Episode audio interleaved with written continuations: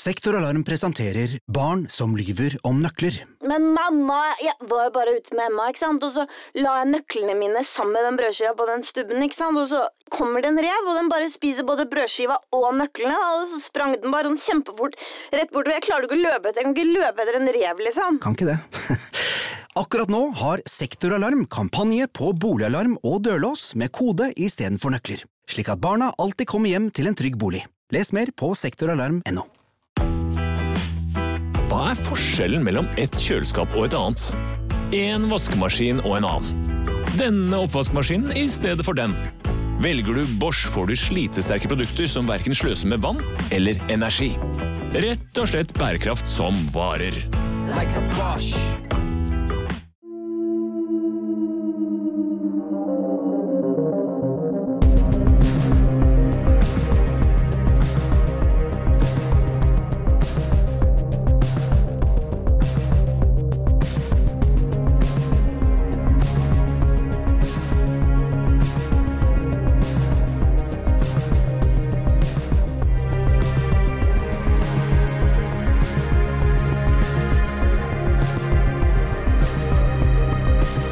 gjest har gjort det til sin livs kampsak å reise land og strand rundt for å eksponere overgrepsdømte og pedofile, noe som ikke har vært helt uproblematisk for Aron Jansen, som ble tiltalt for forfølgelse og krenking av andres fred, og ble dømt til fengsel i 15 måneder.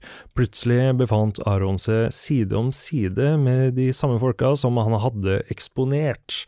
Ja, Aron, eh, velkommen hit igjen. Det har skjedd mye siden sist. Eh, Du har sittet i fengsel, Ja. du har skrevet bok, den har du tatt med deg her til oss i dag. Eh, Nabovarsleren, overgripernes nemesis, heter den. Du har fått et par barn også, det gikk fort. Det gikk fort. Det Det har gikk du vært eh, skikkelig på. Ei dame var gravid når jeg blei putta inn, Ja, ok. Så, så jeg fikk den, den ungen i fanget den dagen jeg slapp ut. Hun føda den dagen jeg slapp ut. Såpass, ja. Så Eller- du fikk liksom ikke vært med på svangerskapet i det hele tatt? Jeg fikk ikke vært med. Eh, Jeg, eller hun, eh, hva skal jeg si, hun eh, Jeg skulle egentlig slippe ut en, eller jeg slippe ut den syvende, hun føda den femte. Så jeg fikk lov til å være med på sykehuset når hun føda. Og så måtte jeg tilbake til fengselet og sone 24 timer. For så å få lov til å slippe ut den syvende. Så ok, så det er liksom et nyfødt barn, og kanskje en litt sånn kritisk tid hvor mor trenger litt eh, Ja. Jeg vet ikke, litt oppmerksomhet fra far. Da måtte du tilbake og sone 24 timer til. Ja. Ja, Det høres jo helt eh, Men sånn er kanskje reglene, byråkratiet. Ja, jeg, jeg syns det er litt merkelig. I hvert fall det er en politimann oppe i eh, nord som jeg avslørte. Han øh, fikk syv måneder, men kona hans var gravid, så han slapp jo å sone de siste to månedene. Så han var jo sluppet ut pga. at hun var gravid. Men jeg måtte inn og sone de siste 24 timer.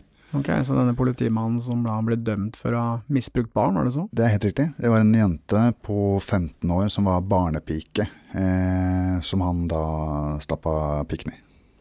Ok, Så han fikk lov å slippe ut eh, tidligere, men du måtte tilbake og sone de 24 timene. Ja, Hva tenker du om det? Jeg tenker det er eh, horribelt, det er usmakelig, og det er eh, Ja, det bare viser eh, forskjell på politidistrikt.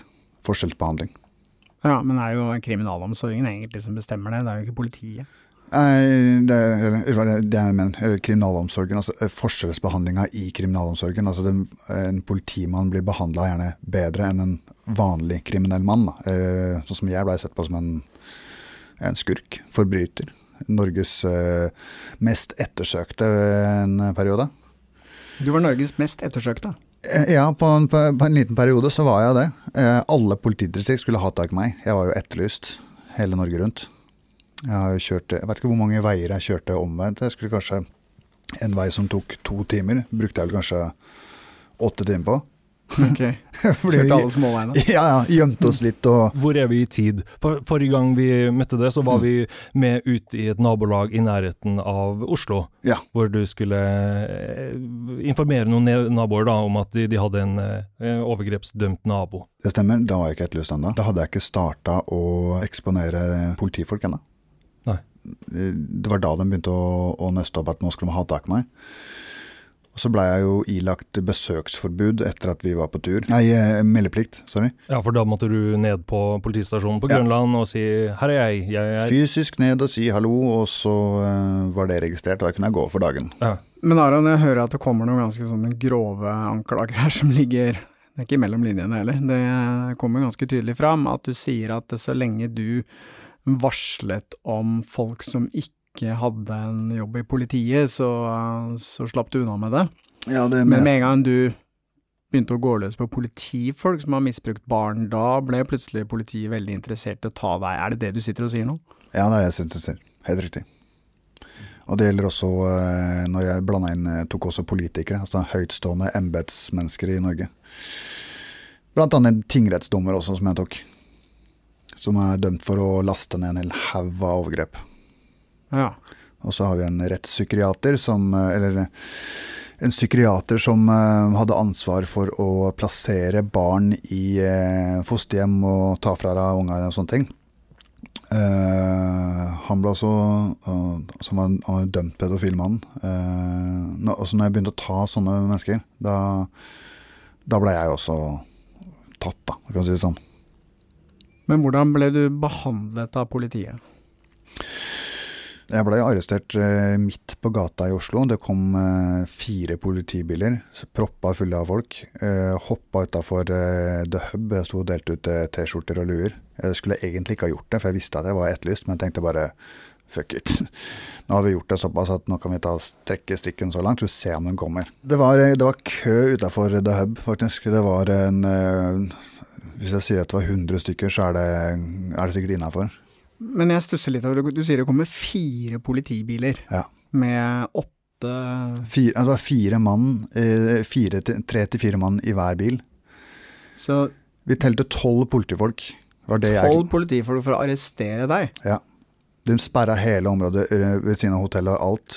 Du har, jo ikke, du har jo ikke drept noen, du har ikke skada noen, du har ikke slått noen i hjel. Det eneste du har gjort, er jo å, å reise ut og si til naboene at det bor en overgreper, en dømt overgreper i nabolaget ditt. Det er det du har gjort galt, ikke sant? Mm. Og da trengtes det tolv politifolk for å ta deg. Ja, fordi jeg da hadde unnlatt å møte opp til eh, meldeplikt eh, over eh, så og så lang tid, og fortsatt å eksponere, selv om jeg da liksom var ilagt meldeplikt, da, som jeg mener. Men det som skjedde, var at når jeg var på politistasjonen, og det hadde gått to måneder, kom jeg inn, og så er det siste dagen, og da sier han eh, sier han, jeg blir så godt kjent med ham. du. Nå veit du nesten hva han skal spise til frokost. Og han sier bare Ja, nei, men den er god, Aron. Takk for i dag. Eh, da er du ferdig. Du er Nå kan du bare gjøre akkurat hva du vil. Hei og hopp, liksom. Vi var på fornavn, og det var, det var der. Og da satte jeg meg i bilen, og så skrev jeg eh, på, på Messenger Da skal jeg til Trondheim. Og jeg sa ingenting hva jeg skulle. Men politiet bare ringte meg på telefonen og sa Nei, du, beklager, men øh, den meldeplikten din den er utvidet til 22.12.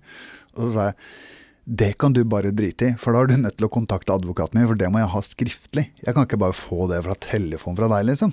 Nei, den er forkynt over telefon nå, så hvis ikke du respekterer det, så blir du etterlyst. Oi, skal ikke det gis skriftlig inn på Digipost og Det er det jeg mener, jeg ja. også. Men det var ikke det. Du kan ikke. ringe og si at eh, Så han bare ringte og gjorde det, og, og da mente han at det var, eh, da var det gjort. Og da tenkte jeg, bare idiot, tenkte jeg. Er det mulig, liksom? Hæ?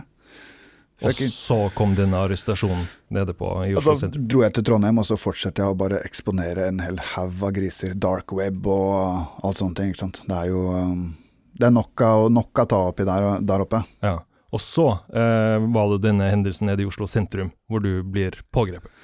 Ja, det er noe mer som skjer i mellomtida der. fordi mens jeg er etterlyst, så føler jeg at de er ganske nærme. De veit ikke hvor jeg bor hen, for jeg har ikke adressa jeg hadde. Eh, de visste ikke hvem dama mi var, fordi hun har jo holdt skjult hele veien. Mm. Eh, og så fikk jeg tilbud om å låne en Det står i boka. Eh, låne hytter, eh, bobil, eh, altså you name it. Eh, tok masse stikkveier. Og gjemte meg oppe i, eh, i Loen. Fikk jeg låne en sånn bitte liten sånn hytte. Lo- Hvor er det? Eh, stryn okay. oppi der. Og eh, jeg, bare, jeg tenkte er det ingen som kjenner meg igjen her, liksom. Mm, her kan jeg kose meg. Ja. Men nei, ja, ok, fortell videre. Og så, drar jeg jeg, jeg, jeg sitter og eh, starter noe som heter eh, julekalender. Ja, det husker jeg. Ja. På Instagram. Norges mest grisete julekalender. Ja, Ikke sant? Én gris hver dag. Det ble populært. Ja, Også på julaften, da får du se alle.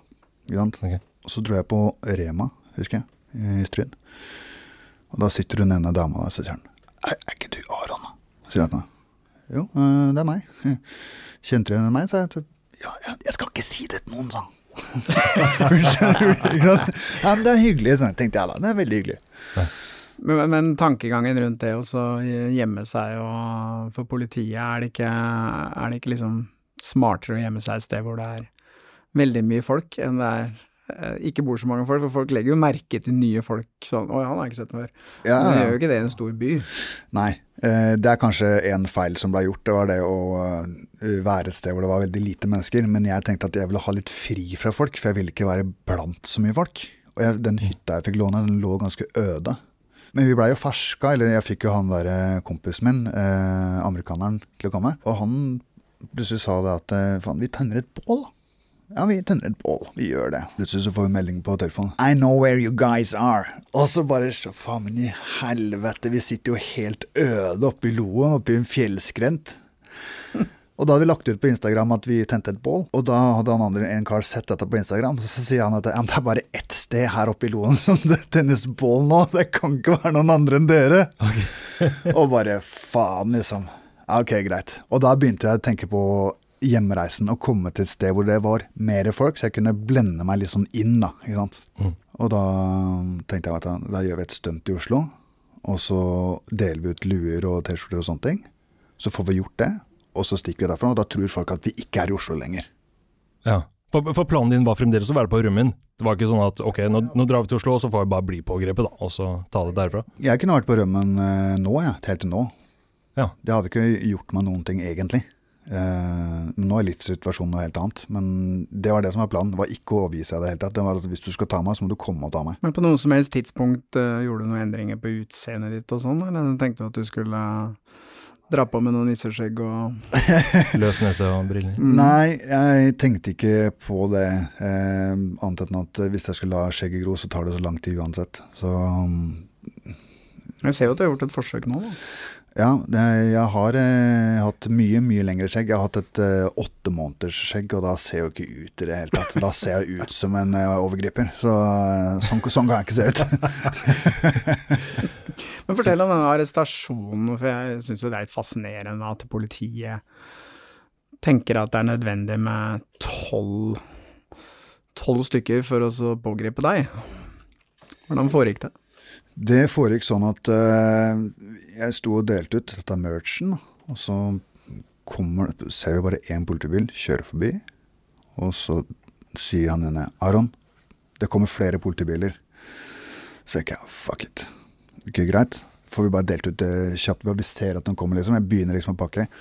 Bam! Så kom det bare Stoppa dem bare rett utafor Hub. De stoppa all trafikk. Det var én som kom eh, rett utafor der hvor eh, Hub er, og så har du to som stoppa trikker.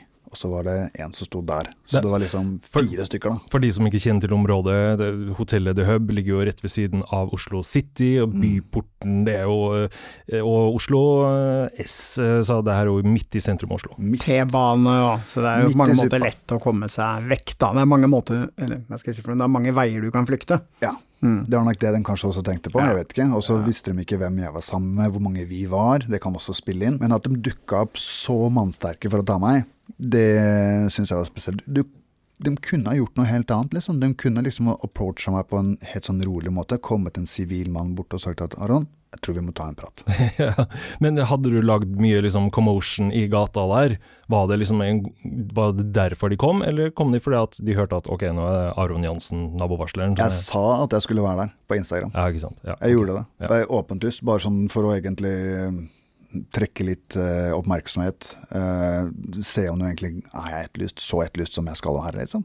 Men hvordan reagerte alle disse tilhengerne dine da du ble arrestert? De begynte å filme og spørre egentlig hva politiet egentlig driver med, liksom. Ja, Rett ut. så det var ikke noe det var ikke sånn at noen ble utagerende eller voldelig eller uh, Det foregikk i rolige former. Ja, ja. Det gjør det. Jeg har, aldri, altså, jeg har heller aldri vært voldelig mot politiet, og det er aldri noe jeg ønsker heller. Er noe, jeg, er ikke, jeg er ikke uvenn med politiet. Jeg vil heller eh, eh, bidra til å oppklare saker og gi altså, sånne ting da, med politiet. Aldri, eh, men når de setter meg på Når dem egentlig setter meg på rømmen, da, hvis jeg kan si det, setter det litt på spissen, da, så følte jeg ikke at vi var uvenner, men jeg følte at jeg var ikke ferdig med det jeg jobben min. Jeg vil gjøre jobben min ferdig først. Men nå ble det en eh, ganske lang pause i eh, jobben. Hva skjedde fra du ble varetektsfengsla og fremover? Nei, altså, de kjørte meg rett til arresten. Da ble jeg liggende i eh, Jeg husker ikke om det var var på en fredag. Og da ble jeg liggende til mandagsmorgen. Altså du satt på glattcelle i sentralarresten gjennom hele helgen. Ja. Ja, det er jo litt spesielt, fordi uh, det er jo egentlig ikke tillatt. Ja, men det, er en veldig uheldig dag å bli pågrepet på en Mm. fredag, Ja. eh, for da skjer det ingenting før på mandag. Jeg fikk beskjed om det at eh, det er ikke noe dommer og det er ikke noe, noe som skjer før mandag, så du blir mest sannsynlig her. Og jeg tenkte nei, men jeg har blitt arrestert et par ganger før. Det er så- det tar 24-48 timer. Jeg sa ute, gutter, tenkte jeg en gang. Jeg satt seks timer på den der glattcella, jeg syns ikke det var noe gøy. Skal være helt ærlig, da var jeg ganske fornøyd, altså. Da visste jeg at jeg kunne slippe ut når som helst. Det er jo ikke trivelig. Nei. Du gjorde det frivillig. Jeg gjorde det frivillig, men eh, hvordan var det oppholdet sitte liksom gjennom hele helgen? Altså, bare la oss, de som ikke har eh, liksom sett en sånn celle i sentralarresten, da, det er jo en, eh, hva skal jeg si for noe, det er en eh, blå sånn madrass. Og så er det et toalett i hjørnet, og så Det er ikke så mye mer, og så blir du filma hele tiden, og så Det er ganske utrivelig. Altså, det er jo ikke et toalett, det er et høl i gulvet, eller høl i veggen som du pister og driter i, liksom. Ja. På en sånn metallgreie. Eh, Du må ringe på for å få papir. Eh, Hvis du skal ha vann, så må du plinge på. Lukter piss, det lukter urin, det er helt jævlig. Så kommer jo uka etterpå, hvordan Nei, de, kjørte meg rett, de kjørte meg rett ned til Halden. Da fikk jeg beskjed om at jeg var varetektsfengsla. Ja. Eh, Jeg fikk 30 dager varetekt. Og eh, når jeg satt i den bilen på vei nedover, så begynte jeg å Og så spurte jeg liksom Hva hva gjør vi nå, liksom, gutter? Eh, Skal vi rett ned til Halden, eller hva skjer? Og da sier han ene som sitter ved siden av meg sånn, faen, er det Aron? sier han. Så kikker jeg til venstre og sier, jo, det er meg. Å faen, jævla bra jobba! Eh, ja, ja, han visste, han, han, han andre det som var arrestert. Han visste jo, det var satt to stykker til som også skulle til Halden. Ja, sånn, ja, ok. Ja. Ja, jeg tror det var politimannen som Ja, Nei. og så, og så sier han eh, ja, vi skal til Halden, jeg også, jeg har fått 30 dager. Så hadde vi en sånn liten sånn, sånn samtale. Sånn, jeg det, det er greit, jeg kan sitte her med sånn altså, det, det her er ikke mitt klientell, tenker jeg. Ikke sant? Det er jo far out. Eh, Jeg skulle sitte i førersetet på den bilen her, ikke sant. og så tenker jeg at uh, Vet du hva, du skal ha meg her i 30 dager. Greit. Da skal jeg faktisk ta og groome meg inn på disse svina som er her inne i varetekten. Jeg skal late som at jeg er en overgriper. Oi, Og jeg skal eksponere alle. Jeg skal peke dem ut, alle jeg kjenner. Alle jeg, alle jeg kjenner igjen. Og dette her skal jeg skrive en bok om, tenkte jeg. ok, for, for Vanligvis når man blir satt i fengsel, så er det de som er dømt for overgrep og blir plassert i fengsel, de ønsker jo veldig ofte at det ikke skal bli kjent, da. Når de kommer inn til soning og møter andre fanger, men du gjorde det motsatte. Hvordan eh, gikk du frem da? Nei, det, det var egentlig veldig lett. For når, når jeg blei satt inn, så Første dagen når de lokker opp den cella, da så, Vær så god, nå har det luftning eller frokost eller et eller annet sånt piss igjen. Og så ser jeg rundt meg, og så ser jeg bare rullestolpedoen, tenker jeg. Der sitter han. Han var med på eh, landslag i eh, Og han er dømt for eh, særdeles grove overgrep. Og så ser jeg han, og så ser jeg en annen kar fra Stavanger. Og så tenker jeg det her er ikke mulig. Lukker opp døra, så ser jeg liksom Luft, sier de. Sykker jeg rundt meg. Så sier jeg, for det første så lufter jeg ikke med han, og så nevner jeg saken hans. Og så lufter jeg ikke med han, og så nevner jeg saken hans. Og så tror du faen ikke det er en som er nabocella mi, som jeg eksponerte bare for noen dager sia. Mann, lokk meg inn på den cella her igjen, sa jeg. Jeg skal sitte her inne. Jeg, skal ikke, jeg, jeg lufter ikke sammen med de folka her, tenkte jeg bare plutselig. Det her skjer ikke. Men var ikke planen din at du skulle ut i det for å være Jo, jo, men jeg, jeg bare sa jeg, ombestemte i døra? jeg skal inn der, liksom. Jeg vil liksom ikke eh, eksponere meg selv med en gang jeg kom inn. Ikke sant? Holde litt skjult, da. Men hva tenker du om at du liksom ble plassert vegg i vegg liksom med, med tre av disse overgriperne som du har jobba for å avsløre? Da? Tror du det var helt tilfeldig, eller? Jeg veit ikke. Eh, det her var egentlig sånn ankomststed som alle ble putta på. okay. Før det blir plassert videre der det er ledig i fengselet. Ok. Så jeg, måtte, jeg, måtte, jeg gikk inn på cella, og så måtte jeg lære litt mer om det systemet. Hvorfor sitter jeg akkurat her? Hva er dette her for noe? Skal jeg videre? Uh, og så begynte ting å, å demre, da. Altså, jeg tror det tok uh, bortimot fem uker cirka, før jeg gikk ut av cella. Jeg satt kun på cella i fem uker. Eneste jeg gjorde, var å gå ut, ta maten min, se på det andre, late som ingenting. Rett inn. Ja, fordi at eh, da du kom til Halden, så ble jo egentlig du plassert i en sånn varetekts avdeling. Det er jo litt An- annerledes enn de, som, er- ja, sant, enn de som sitter på en dom, da. Ja. Mm, så, eh, Store forskjellen med, med det er at det, når du sitter der vi har satt først, så får du ikke Du får ikke lage din egen mat. Det er ikke noe kjøkken der. Det er bare en gang. Det er et kjøkken, men det er ikke noe Det er et toastjern. Det er det eneste som er der. Og så er det en vakt som passer på at du ikke stapper hånda til en eller annen i toastjernet. Det er det eneste. Mm. Og så kan du koke egg. Du får ikke gå på butikken, du får ikke gå på bibliotek. Uh, ja. Det er sånne, sånne restriksjoner. da. Men hvordan var disse, disse fengselsbetjentene, da? Snakka du noe med dem, eller? Uh, ja, jeg blei kjent med dem etter hvert. Uh, først første så tenkte de at han karen der som sitter der, han er gæren. Han er sånn derre Han skal vi ikke pirke noe særlig på nesa, liksom, fordi jeg snakka ikke noe særlig med folk. Men Jeg de- så bare folk i øya, og så bare han pedoen der, han pedoen der. Ok, greit. Ja. Men de som, de som jobba der, de visste hvem du var, og hva du var, Dem vet veldig godt hvem alle er. hvorfor du sitter der. Ja, det er Fengselsbetent han kan godt si at nei, du, han vet ingenting om noen her inne, liksom. Og det er bare noe dem sier. For de har nødt til å vite hvem som er hvem. Du kan ikke bare ta en fange og spørre Ja, du luft. Eh, Nei, du har ikke lyst på luft, nei. Har du lyst til å lufte i samme han? Så er det liksom broren til en annen som har drept en annen. Sånn at det, de vet veldig godt hvem som er venn der inne. Mm.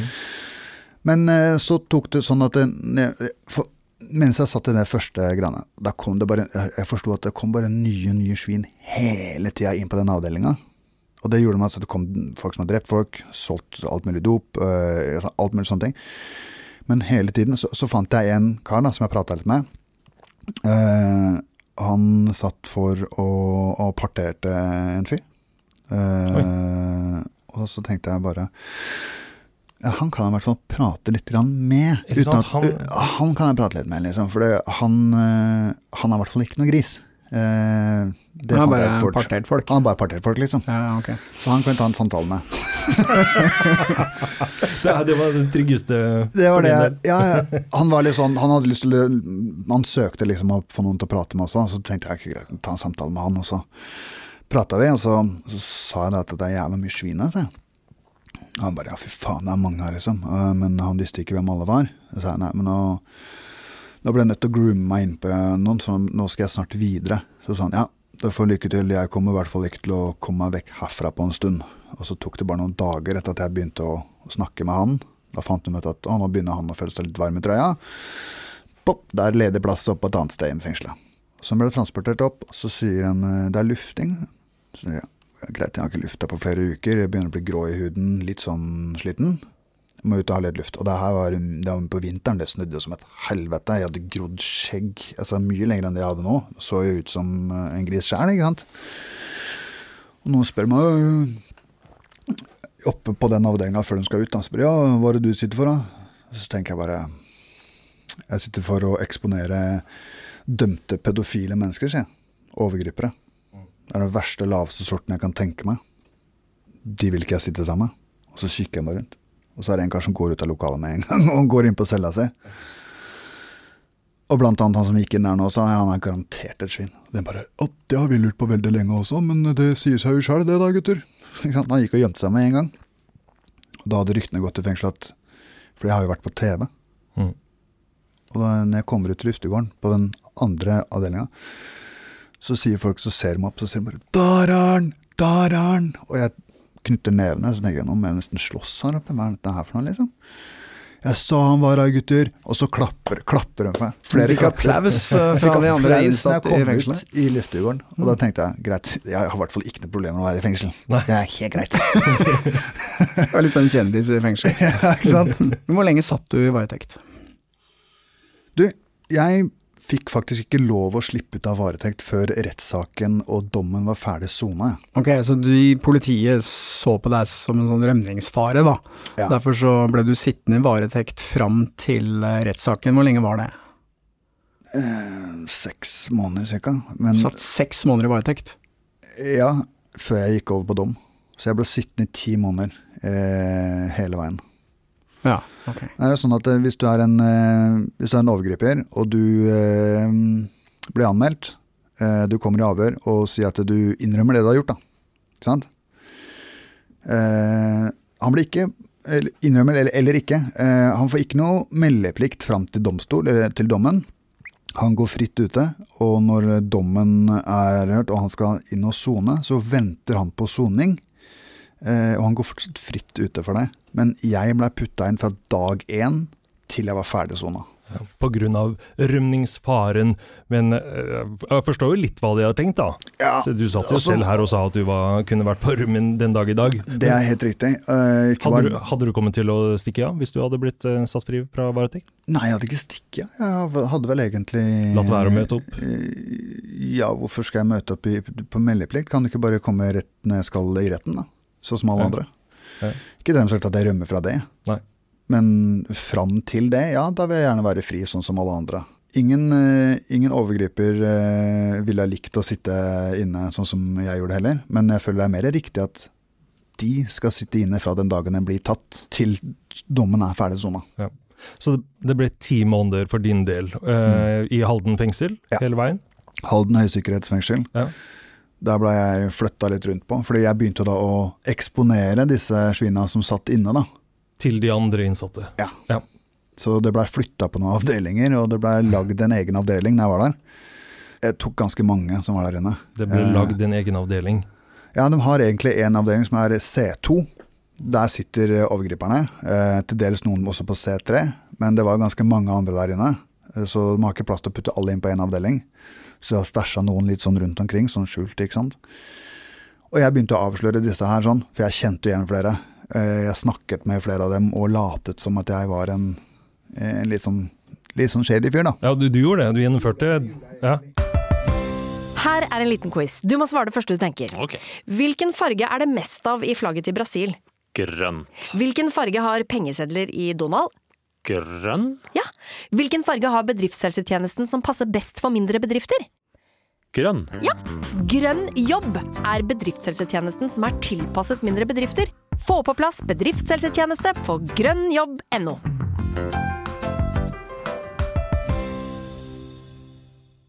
Velkommen til Kjemperådet! Denne gangen har vi fått inn et kjempedilemma fra en familie.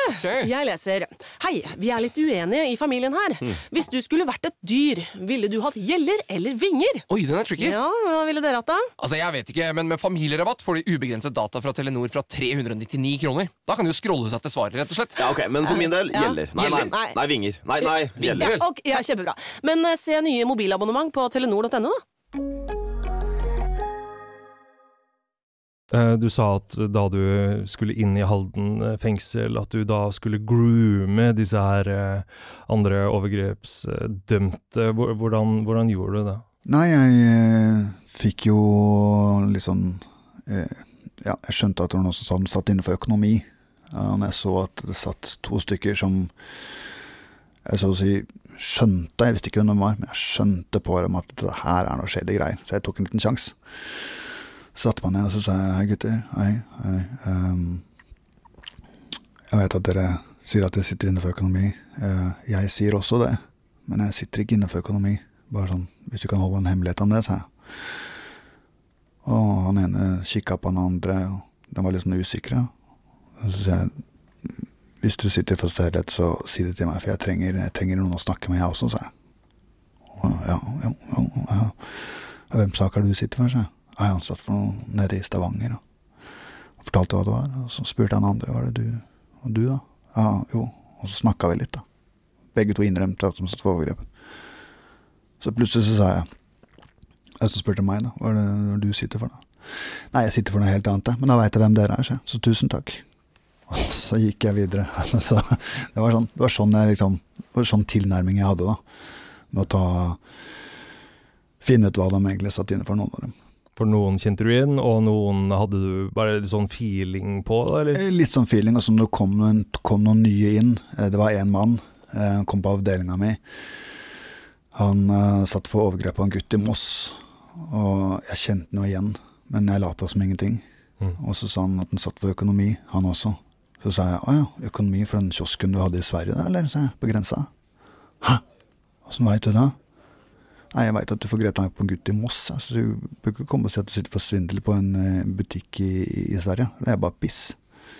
Ja, det var sånn. Og så hvis det kom noen andre nye, så hvis du f.eks. spilte basketball eller noe sånt noe, så la jeg merke til at han hadde ikke noen å snakke med. Og da spilte jeg basketball med han. Lata som ingenting.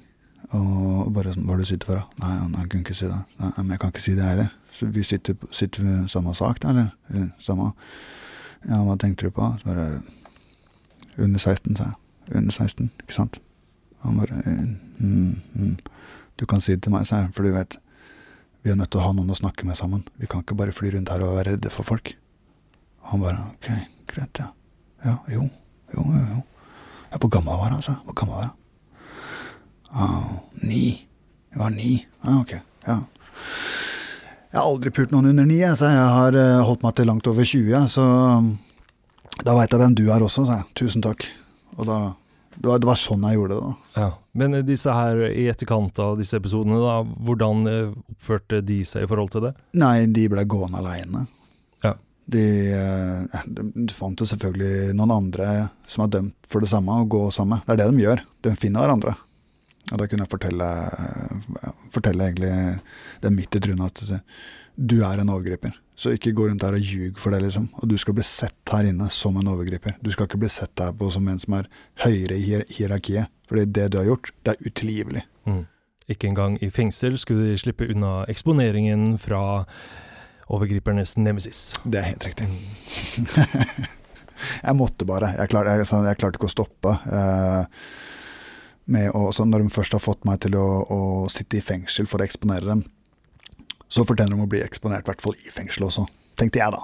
Mm. Og det, det gjorde jeg. Det står jeg for. Og jeg angrer ikke et sekund på at jeg gjorde det heller. Er, eh, om det kan si at det var dårlig gjort? Nei, det var det ikke. Det var riktig. Jeg har jo utvikla sånne bildeminner, for jeg har jo sett på så mye sånne svin. ikke sant? Så jeg husker jo navn, jeg husker ansikt. Jeg husker liksom, det er liksom Jeg kan nesten fortelle gateadressen hvis du gir meg et ansikt. Og så begynte jeg da å avsløre og avsløre og avsløre, og så fikk jeg jobb i fengselet. Da begynte det å skje ting. Jeg ble satt på et uh, verksted som heter uh, kalt for Petter Smart. altså det var sånn når Velkommen til fengselet. Petter Smart, her skal du få lov til å klippe ledninger eller uh, lage fuglekasse, liksom. og jeg begynte å lage fuglekasser, og så fikk jeg utdelt en spikerpistol. Og så kommer det en annen kar inn der, og så tenker jeg det er jo han, ja. Han har jo vært i Heimevernet, han karen der. For han har profilbilde på Facebook at han er i Heimevernet. Mhm. Og så later jeg som ingenting. Så sier ja, hva er det du sitter for, da? Nei, han sitter for økonomi, da. Ja. Å ja, du gjør det, ja. Ja, er det mye penger du har klart å stikke av med? Nei, ja, det vil han ikke snakke om. Nei. Kan ikke du bare ta den spikerpistolen her, jeg, så kan du fortsette å, å gjøre ferdig den fuglekassa? Å ja, ja, ja, Du, ikke kom her og si det. Det er profilbildet at du er i Heimevernet. Selvfølgelig kan du håndtere en spikerpistol. og så er du en pedofil mann. Ikke kom her og si til meg at du sitter for økonomi. Det sa jeg. Hvordan reagerte han da? Han så ned i bordet, begynte å tenke seg litt om, og visste ikke at man skulle ta på den spikerpistolen. Og jeg skyv den lenger bort. Ta den, da. Jeg sa, vet du, Han får ikke skutt meg med den pistolen, for du er nødt til, du nødt til å ta på den foran. ikke sant? For å... Så gikk han bare til en sånn vakt, da. Og sa at eh, han ville opp og selge av seg Han eh, følte seg ikke så bra. Så han ble sittende på gang. Han fikk ikke dra, da, så han ble sittende på gangen. Og så gikk jeg bort, eh, da fant jeg sånn rullestolsvin. Spurte han rullestolen hva du sitter for. Nei, han hadde blitt lam, han hadde slåss med en politimann, han hadde snudd han politimannen opp ned. da. Så det var første voldshistorien jeg hadde hørt fra en kar. da. Jeg sa hvorfor 20, da. Du sitter i rullestol fordi at du er lam, du er en gammel spiller. Eh, Du var eh, utfor en ulykke. Du sitter her og ljuger, og så har du forgrepet deg på en unge, og så slapp du ut. Og mens du var på prøvetid, så, så forgrep deg det igjen. Og det er derfor du sitter her. Og det sitter jeg og sier foran eh, 10-15 andre som sitter inne på en sånn systueavdeling. For jeg gikk bare inn der og lot som jeg skulle ha en kaffe. Og var sånn skikkelig på G. Jeg tenkte at nå skal jeg faktisk ta de jeg har her inne nå, så alle ja. Så han ble også satt med gangen, og så kom jo vaktene etter meg opp på cella etterpå.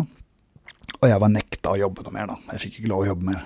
Fordi at øh, jeg hadde da eksponert noen i fengsel, da. Og fortalt hvem som var hvem. For det er jo litt ironisk, altså. Du, du blir putta i fengsel fordi du reiser rundt og, og eksponerer folk som er dømt for eh, da overgrep mot mindreårige, og så kommer du inn i fengselet, der er det mange av dem, og så fortsetter du egentlig jobben inne i fengselet. Jeg må jo bare le.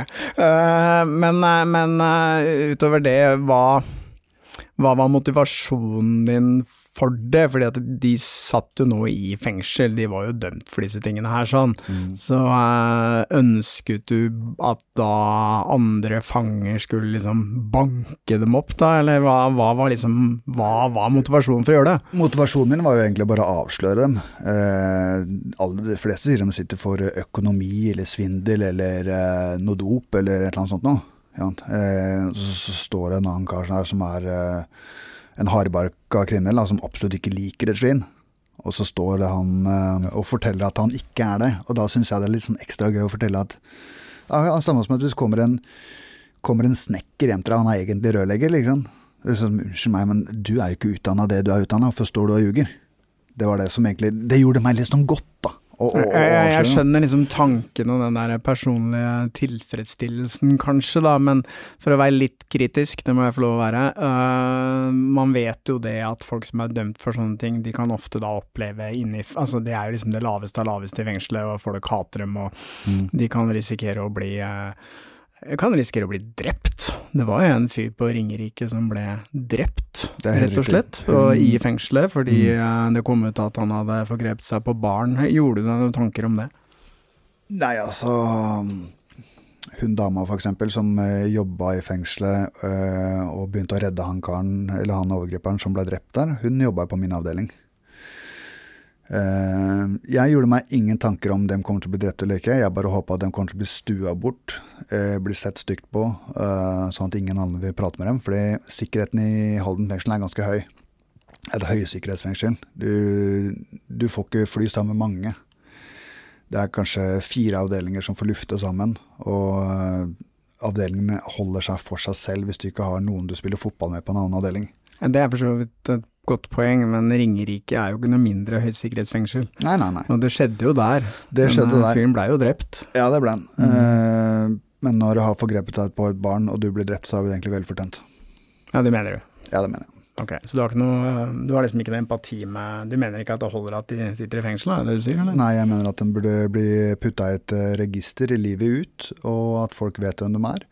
Så ikke andre barn eller en dame finner seg en ny kar som da er en dømt pedofil mann. Så hvis han er eh, stua bort eller blitt fortalt eller eksponert slik at alle er eh, bevisst på hvem han er, så eh, mener jeg at det er riktig. riktig. Vi har jo snakka om Men det er ikke riktig å drepe noen, ikke, ikke, ikke ta meg feil der. Nei da, jeg skjønner at du ikke mener det, sorry Helge, nå blir det mye mer, men jeg må bare ta en ting til, fordi uh, Og jeg vet vi har snakket om disse tingene før, men jeg syns det bare er sånn viktig at du eh, at du kanskje svarer på det en gang til i denne episoden her òg, det er jo det at eh, det er jo et sånn viktig prinsipp i Norge da, om at hvis du har gjort noe gærent, og du har sonet straffen din, Mm. så har du på mange måter gjort opp for deg, og du skal få lov å leve et eh, fortsatt eh, være en normalt liv, og slippe den belastningen det er eh, Hva skal jeg si for noe Du skal ikke straffes flere ganger, da.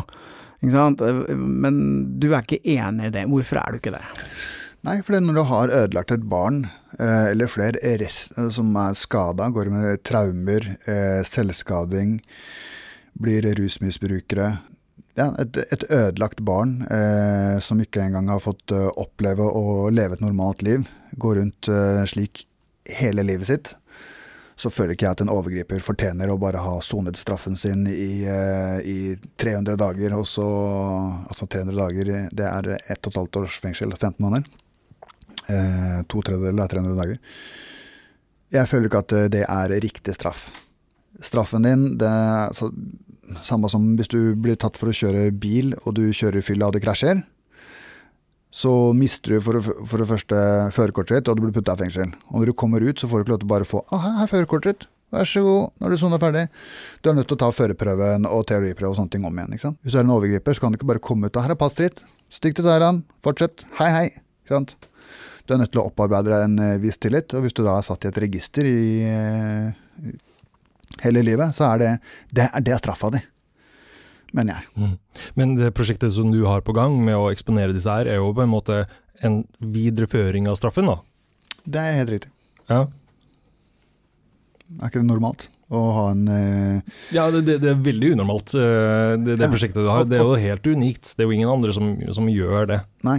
Nei. Men uh, jeg, jeg mener, og jeg står på, jeg kommer ikke til å vike en tomme på det, at jeg mener at hvis du er dømt for uh, også, Det gjelder også nedlasting. Uh, da har du bidratt til vold- voldtekt av barn. Mm. Da fortjener du å være i et register. Jeg ville aldri at uh, f.eks. søstera mi skal finne seg en ny type, og jeg ikke vet hvem han er. Så vil jeg gjerne at jeg kan gå inn på et register. Hun kan gjøre det allerede etter første date hjemme. Og sjekke om f.eks. Uh, Ola Nordmann. Hva er du dømt for? Mm. Ikke sant? Ah, han er dømt i 2005 for eh, sedelighet, liksom. Ok, da møter ikke du han mer, liksom. For dette registeret, det er jo det som har vært det store målet ditt å få til. Ja. Men uh, hvordan ligger han der? Jeg har faktisk åpnet et register. Du kan bare gå på nabovarselnorge.no. Så kan du bli medlem. Koster 79 kroner måneden. Du har en- starta dette registeret selv. Det er landsoversikt med alle dømte som jeg får tak i. Har du fått noe brev fra Datatilsynet, eller? Nei, det er jeg ikke. Eh, det er sladdet. jeg jeg sladda dommen eh, og gjort som media. Sladda ansiktet. Men jeg har satt opp hvilken by du bor i. Men navnet til disse personene Det er sladda, men allikevel okay. så står det f.eks. Uh, Oslo Grünerløkka, f.eks. Eller det står f.eks. Bergen Åsane. Så man kan ikke vite om det er naboen i, i rekkehuset? Nei, det får du ikke vite der. Altså, det vil si at da eksponerer jeg noen igjen. Da ødelegger jeg litt. Ikke sant? Ja. Uh, det her er et symbolsk register. Ok, ja, skjønner. Et internt symbolsk register som du får tilgang til. Og hvis du lurer, så skal du få svar. Ja. Det er så enkelt. ok, så hvis noen eh, sier ok, den personen som bor på Grünerløkka eh, Aron Jansen, kan jeg nå spørre deg direkte hvem, er- hvem er dette her? Da gir du den informasjonen til de som spør? Ja, mest sannsynlig så gjør jeg det. Ja, ok. Mm. Ja, og Det går, hvis, jeg, hvis jeg- snakker med deg face to face, så er ikke det ulovlig å fortelle at uh, du vet at naboen din, han er gris. Men hvis jeg eksponerer noen offentlig, sånn som jeg gjorde, til 5,5 millioner mennesker, så jeg kan, jeg kan se at det er litt på kanten å gjøre, ja. Men det var nødvendig. Men Aron, i USA så, så har de jo eksempel sånne registre. Mm. Uh, og eh, vet du noe om det har, har hatt noen sånn preventiv effekt, at de har innført det der? Kompisen min er jo amerikaner, uh, og jeg har flere amerikanske venner, og de har fortalt at uh, det er faktisk en trygghet å vite hvem det er som er der. Det er ikke sånn at de blir plaga. Altså, I USA så er det sånn du blir putta i register bare pisser på gata, ikke sant. Det, det er jo litt feil. Men du har sånne egne sånne derre kaller det for noe? Predators uh, camping spots, da, som de har uh, hvor de er stua bort på. For det er ingen som vil ha dem i nabolaget. De ble bare flytta inn der. Og det mener jeg er velfortjent. Altså Når du har faktisk eh, tråkket over den grensa, så har du eh, avsagt Du har umyndiggjort deg selv med å være en overgriper. Da, da, da, da burde du heller ikke få lov til å bo ved siden av en barnehage eller en skole eller eh, en, en, en småbarnsfamilie. La merke til før jul her at det kom en sånn eh, Det er fælt å kalle det for reklamekampanje, men det var jo egentlig det. Det kom opp masse sånne postere hvor det sto har du seksuelle tanker om barn, så kan du ringe dette nummeret, osv., osv. Hva tenker du om en sånn type tilnærming til, eh, til problemet, da? Det viser jo at det er et samfunnsproblem. da. Det er altfor mye overgripere i Norge. Når du har en sånn reklame på TV og i tillegg på kino. ja, det var på noen busskur. òg, var det Ja, ikke? ja, Ja, man normaliserer nesten på en måte at jeg tenker på å knulle barn. Eh, ring dette nummeret her hvis du har lyst til å ta Jens på fire i rumpa. Ikke sant? Det, det er sånn du oppfatter det? Ja, det er sånn jeg ser på det. Men eh, ja, fint at det finnes et, et hjelpested for sånne folk. Du tenker ikke at det var en eh, skjult plan fra myndighetene å kartlegge alle pedofile i Norge? Ja, det, alle ringer, ja, du er en sånn type, ja, da vet du det. men det var, det, jo, det var jo en anonym, da. Anonym greie. Ok. Ok. Men eh, ja, jeg sto og tenkte at jeg skulle gjerne hatt en sånn sentral sjøl. Ja. Så ring, og så. Men du må jo være dømt, ikke sant. Er jo, det var jo for å forhindre at noen skulle forgripe seg. Så egentlig så var det en bra ting. Men jeg, jeg opplevde det som litt vel grisete tilnærming, egentlig, syns jeg da. Et lite øyeblikk der, så jeg tenkte jeg at det var du som sto bak hele kampanjen. Få kartlagt alt i Norge. Nei, Jeg har, eh, jeg har veldig, veldig, veldig god oversikt, vil jeg si. Uten å skryte på meg, så har jeg veldig god oversikt. Men jeg er litt nysgjerrig på rettssaken, kan vi snakke litt om det? Ja, klart du kan det. Mm. Hva lurer du på? Jeg kan du bare fortelle om rettssaken, hvordan den forløp og hvordan du oppfattet den? Nei, eh, første dagen så eh, var det jo pressekorps og Det var jo covid, da, så de satt jo egentlig på sånn skjerm bak, da. Eh, du hadde jo NRK, TV 2, Dagbladet Altså de nyhetskanalene i Norge som fantes, de var på den skjermen. Tiltalen eh, den lød på tror jeg, 56 overgripere eller noe sånt som jeg var tatt for. Jeg var den første som fikk si noen ting. Jeg sa at jeg ønsker ikke å forklare meg for eh, noen. Jeg har ingenting annet å si enn trygge nabolag, trygge barn, lengre straffer for overgrep og ja til register. Men jeg har noe jeg skal fortelle dere, og da forteller jeg det som er i, i boka. Eh, første avsnitt, eh, den historien. Eh, og så forteller jeg om nødvendigheten av et register, og det er meg. Det er alt jeg har å si. Og så går jeg og setter meg. Og da blir det jo helt stille. Da tenker akkurat, å jøss, yes, får jeg ikke lov til å spørre ut han? Får jeg ikke lov til å grille han? Men det var vel din frie forklaring, var det ikke det? Det var min frie forklaring. Mm. Og så var jo egentlig den, den, dagen over. Og så ble jeg stæsja i en bil, kjører tilbake til Halden fengsel. Uh, og så får jeg da, når jeg kommer frem til Halden fengsel, så blir jeg stua inn på et sånt lite bøttekott. Jeg får ikke gå på avdelinga mi. Og så ser hva som skjer her nå, liksom. Nei, den kunne ikke si hva det var for noe. Og så, men herregud, hvorfor skal jeg stues inn på et sånt bitte lite rom? Så får jeg vite det seks timer eller sånn etterpå, og så da de, mener de at det er én i bilen da, som har hatt uh, symptomer på covid. Jeg er da uh, satt i karantene. Ja, okay. Så jeg fikk ikke møte opp i resten av rettssaken min. Så jeg fulgte med fra skjerm, egentlig. Jeg hadde jo ingenting å si, så jeg kunne satt bare med headset, og så satt jeg og fortalte advokaten hvem spørsmål jeg ville ha stilt, og, og, og sånn. Det var det den pakka der. Mm. Men det som var spennende, var altså Det er en sånn rød tråd som gikk igjen hele tida. Det var det at når advokaten spurte uh, om hva han syns om å bli eksponert, og da sier 90% av dem sier at det, ja, det var utrolig trist uh, å bli eksponert fordi at uh, nå vet folk hvem jeg er, og at de følte at de da hadde gjort, gjort opp straffen sin. Altså det var liksom så kjipt da, at det hadde gått utover dem igjen. Men den røde tråden er at det, det var ingen av dem som sa at jeg syns synd på den jeg har forgripet meg på. At dem skal få dette her opp en gang til for seg. Det var det ingen av dem som sa. Bortsett fra én som hinta litt inn til det. Det var det eneste. Så det er spennende. De har null sympati for den de har forgrepet seg på, men når de har blitt gjort noe ugagn mot, så skal de ta igjen med alle mulige vinkler som de kan. ikke sant? Mm. Livet deres er ødelagt. Uh, de mister inntekt. Uh, de tør å gå ut. Uh, PTSD. Altså alt det der sånn. De bare mater på for å, å liksom få deg dømt, da, fordi du er den slemme mannen. ikke sant? Når det er jeg som liksom har gjort noe ondt mot dem. Men det er velfortjent at de får, uh, får kjenne på det, dem òg. For de har tross alt forgripet seg på et barn. Eller stygt voldtatt en kvinne. Skada for resten av livet. Og du sitter og klager på at uh, du fikk uh, 15 minutes of fame på en grisete julekalender. Da er det velfortjent. Mm.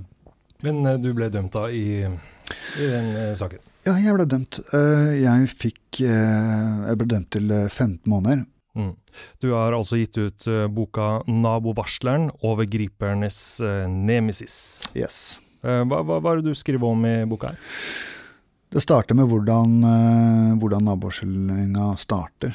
Jeg kan jo snakke litt om det. Jeg er ferdig å trene og skal fylle på med noe mat nede i sentrum. Og da møter jeg en venninne som jeg ikke har sett på veldig, veldig lenge. Og så kommer vi bare i prat, og, og, så ser jeg liksom at hun har liksom en, en, en sønn med seg, da. det har du fått barn, og så hyggelig, og sånne ting. Altså, hvor er barnefar og sånn, da? Nei, barnefar var ikke sammen lenger.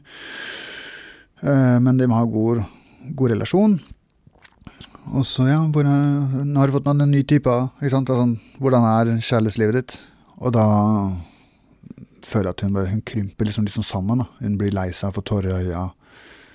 Jeg bare Ja, ok, greit, vi er der, tenker jeg.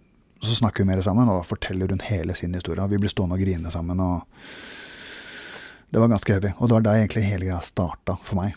Fordi rett etterpå så drar jeg på tinghuset og, og, samler inn dommer, og jeg begynner å gjøre research. Og jeg tenker bare den MMA-karrieren, ok, greit. Jeg bare legger den litt sånn på hylla nå, liksom. For nå skal jeg nå dette her Det, det sugde opp alt som var. Alt som var. Ja. Og når var dette her? Hvor mange år siden? Nå er vi i 2023, det er fire år siden nå. Fire år siden, mm. og det egentlig alt etter det eh, har du nå samla i denne den boka her. Det er ja. om hendelser der du ute på jobb, altså rundt omkring i disse nabolagene. Mm. Og du skriver om pågripelsen, din tid i fengselet. Mm.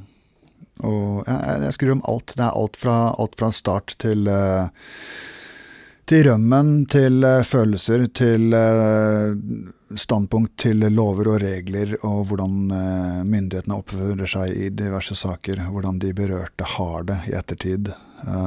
alt. Hvordan har du fått gitt ut den boka her, da? Vi, eller Jo Johnsen, som er forfatter, ghostwriter, han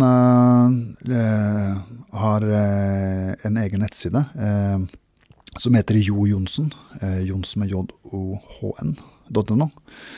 Eh, Istedenfor å legge ut på via et forlag, for da hadde jeg kanskje, hvis jeg skulle hatt det, si Cappelen forlag eller et eller annet, så hadde hun sikkert innskrenka den boka. Du kan ikke skrive ditt, eller du kan ikke skrive det, eller Det passer seg ikke helt. Uh, det her er en usminka versjon. Det er en ærlig bok, rett fram, ingenting å skjule. Og han starta da et eget forlag, uh, jo, og så en egen nettside som du kan kjøpe fra. Så du får ikke tak i den i bokhandler eller noen ting. Det er, det er jojonsen.no. Men henger du ut folk med navn og sånn i den boka der, da? Nei. Da er det ganske uproblematisk, er det ikke det? Hvis ikke de kan identifiseres. Men jeg skjønner hva Aron mener, for jeg har scrolla kjapt gjennom. Jeg har ikke fått tid til å lese, du kom med boka nå i sted. Men uh, det er ganske heavy. Man kan stoppe på en tilfeldig side, og ganske kraftig kost det her. Mm, det, det, er det. det er, jeg har fått tilbakemeldinger. Folk som eh, gråter. Eh, ja, som forstår og sier at, at, dette her er årets viktigste bok.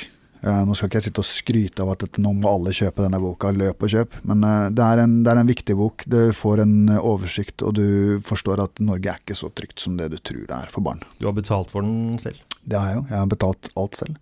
Jeg har kjøpt inn 2500 eh, bøker. Og jeg har solgt 400, og jeg håper å få solgt resten. Men i løpet av disse fire årene, Aron, eh, hvor du har eh, møtt mye motstand, du har liksom uh, sittet i fengsel, uh, har du på noe som helst tidspunkt tvilt på dette prosjektet ditt? Altså, er det verdt det? Uh, oppnår jeg noe med det? Uh, er det moralsk riktig det jeg holder på med? Har du hatt noen sånne refleksjoner i det hele tatt? Det eneste som har slått meg, det er at jeg har eh, tilbringer nok tid med familien min. Fordi jeg er altoppslukende av greiene der. Sånn. Det her er eh, Jeg har jobba aleine med det, så å si, hele tiden. Eh, det, det, det, tar mye, mye tid. Eh, men jeg angrer ikke. Jeg angrer ikke et sekund det jeg har altså, Bortsett fra at jeg kan tenke på at jeg, faen, jeg kunne ha vært mer sammen med familien min. Det er det. det, er det.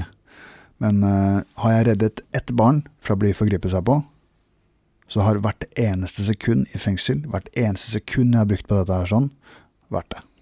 Og svare på det spørsmålet litt, Morten, det får du òg i boka, for i innholdsfortegnelsen her så er det et punkt som heter 'Er det jeg gjør galt?' Så uh, her kan man eh, le lese boka. ok, Du er ute igjen, du har skrevet bok, eh, og fortsetter jo prosjektet ditt. Hva er det neste som skjer, er på timeplanen nå? Har jeg vært rundt og snakka med politikere, og spurt Eh, dem, om de har eh, vilje til å ta et register i sitt partiprogram. Nei, Jeg har spurt eh, diverse politiske partier og fått beskjed om at vi ringer deg tilbake, vi kan ikke svare på det nå, og sånne ting. Eneste som har svart meg, er Liberalistene Ja. og Frp.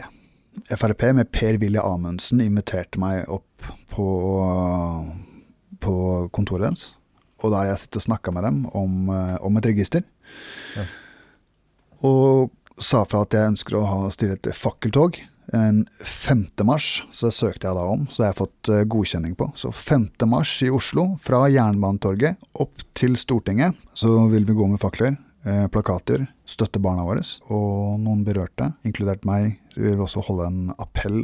Førstkommende søndag er fakkeltog nede i Oslo sentrum. Hvor, hvor kan man gå, eh, har du noe på Facebook eller noe sånt der man kan gå og lese mer om det? Du kan melde deg på på Facebook, eller du kan bare møte opp eh, klokken 19, altså litt før klokken 19.00 utafor Jernbanetorget. Og så går vi derfra opp. Og så deler jeg ut fakler. Jeg har kjøpt inn 300 fakler. Ja. Ja, så det jeg hører da, er at du har egentlig hatt en utvikling her, for du har gått fra å være en aktivist Mm. til nå å jobbe mer politisk for å få endret på systemet og endret på lovene til landet, slik at du kan oppnå målet ditt i en mye større skala, da. Ja. Jeg ønsker jo ikke å sitte inne i fengsel, ikke sant. Så hvis jeg flyr rundt og er sånn vigilante en gang til, så blir jeg putta inn igjen. Eh, ja, jeg får mye blest og, og sånne ting, altså mye PR og sånne ting, men det er ikke Det er gjort. Den jobben er gjort. Alle vet om nabovarsel, og alle skjønner hva det er. Så du kan si at jeg brukte egentlig det her som, som et springbrett til å komme videre der jeg er nå. Jeg kunne ikke bare gått direkte opp og starta med det jeg gjør nå. Det hadde ikke blitt like mye eh, PR eller blest eller prat om det da. Så først å sitte inne for en sak du brenner for, og folk fortsetter å støtte deg, og det er ganske mange tusen, så føler jeg at da har jeg gjort det riktig, og da kan jeg begynne med å gjøre det på det politiske planet. Forrige gang vi var ute med det, Aron, i en tidligere episode, så sa du at det eneste som kunne stoppe det og ditt prosjekt, var en kule i panna. Gjelder det fremdeles? Nå er det sånn at jeg har jo fått et litt annet perspektiv på livet. Jeg har blitt eh, tobarnsfar. Man tenker kanskje litt annerledes. For å komme videre så må man også jobbe eh, politisk. Det er ikke bare å være en aktivist. Da står du egentlig på stedet hvil. Du kommer ikke noe særlig videre enn det. Du må jobbe videre. Og da har jeg nå valgt å gjøre det innafor loven. Da. Det registeret jeg har åpnet, bok, snakke med politikere, arrangere fakkeltog. Og det har gjort at jeg er blitt egentlig en, eh, en litt softere person, men jeg mener fortsatt det samme. Avhørt er produsert av Batong Media. Redaksjonen vår består av Stein Morten Lier, Helge Molvær og Lars Christian Nygårdstrand. Temamusikken vår er laget av Altered States, og hvis du vil høre eksklusive episoder av Avhørt, gå inn på podmy.no eller last ned Podmy-appen. Du finner oss på Facebook som Batong Media, eller på Instagram som Avhørt podkast.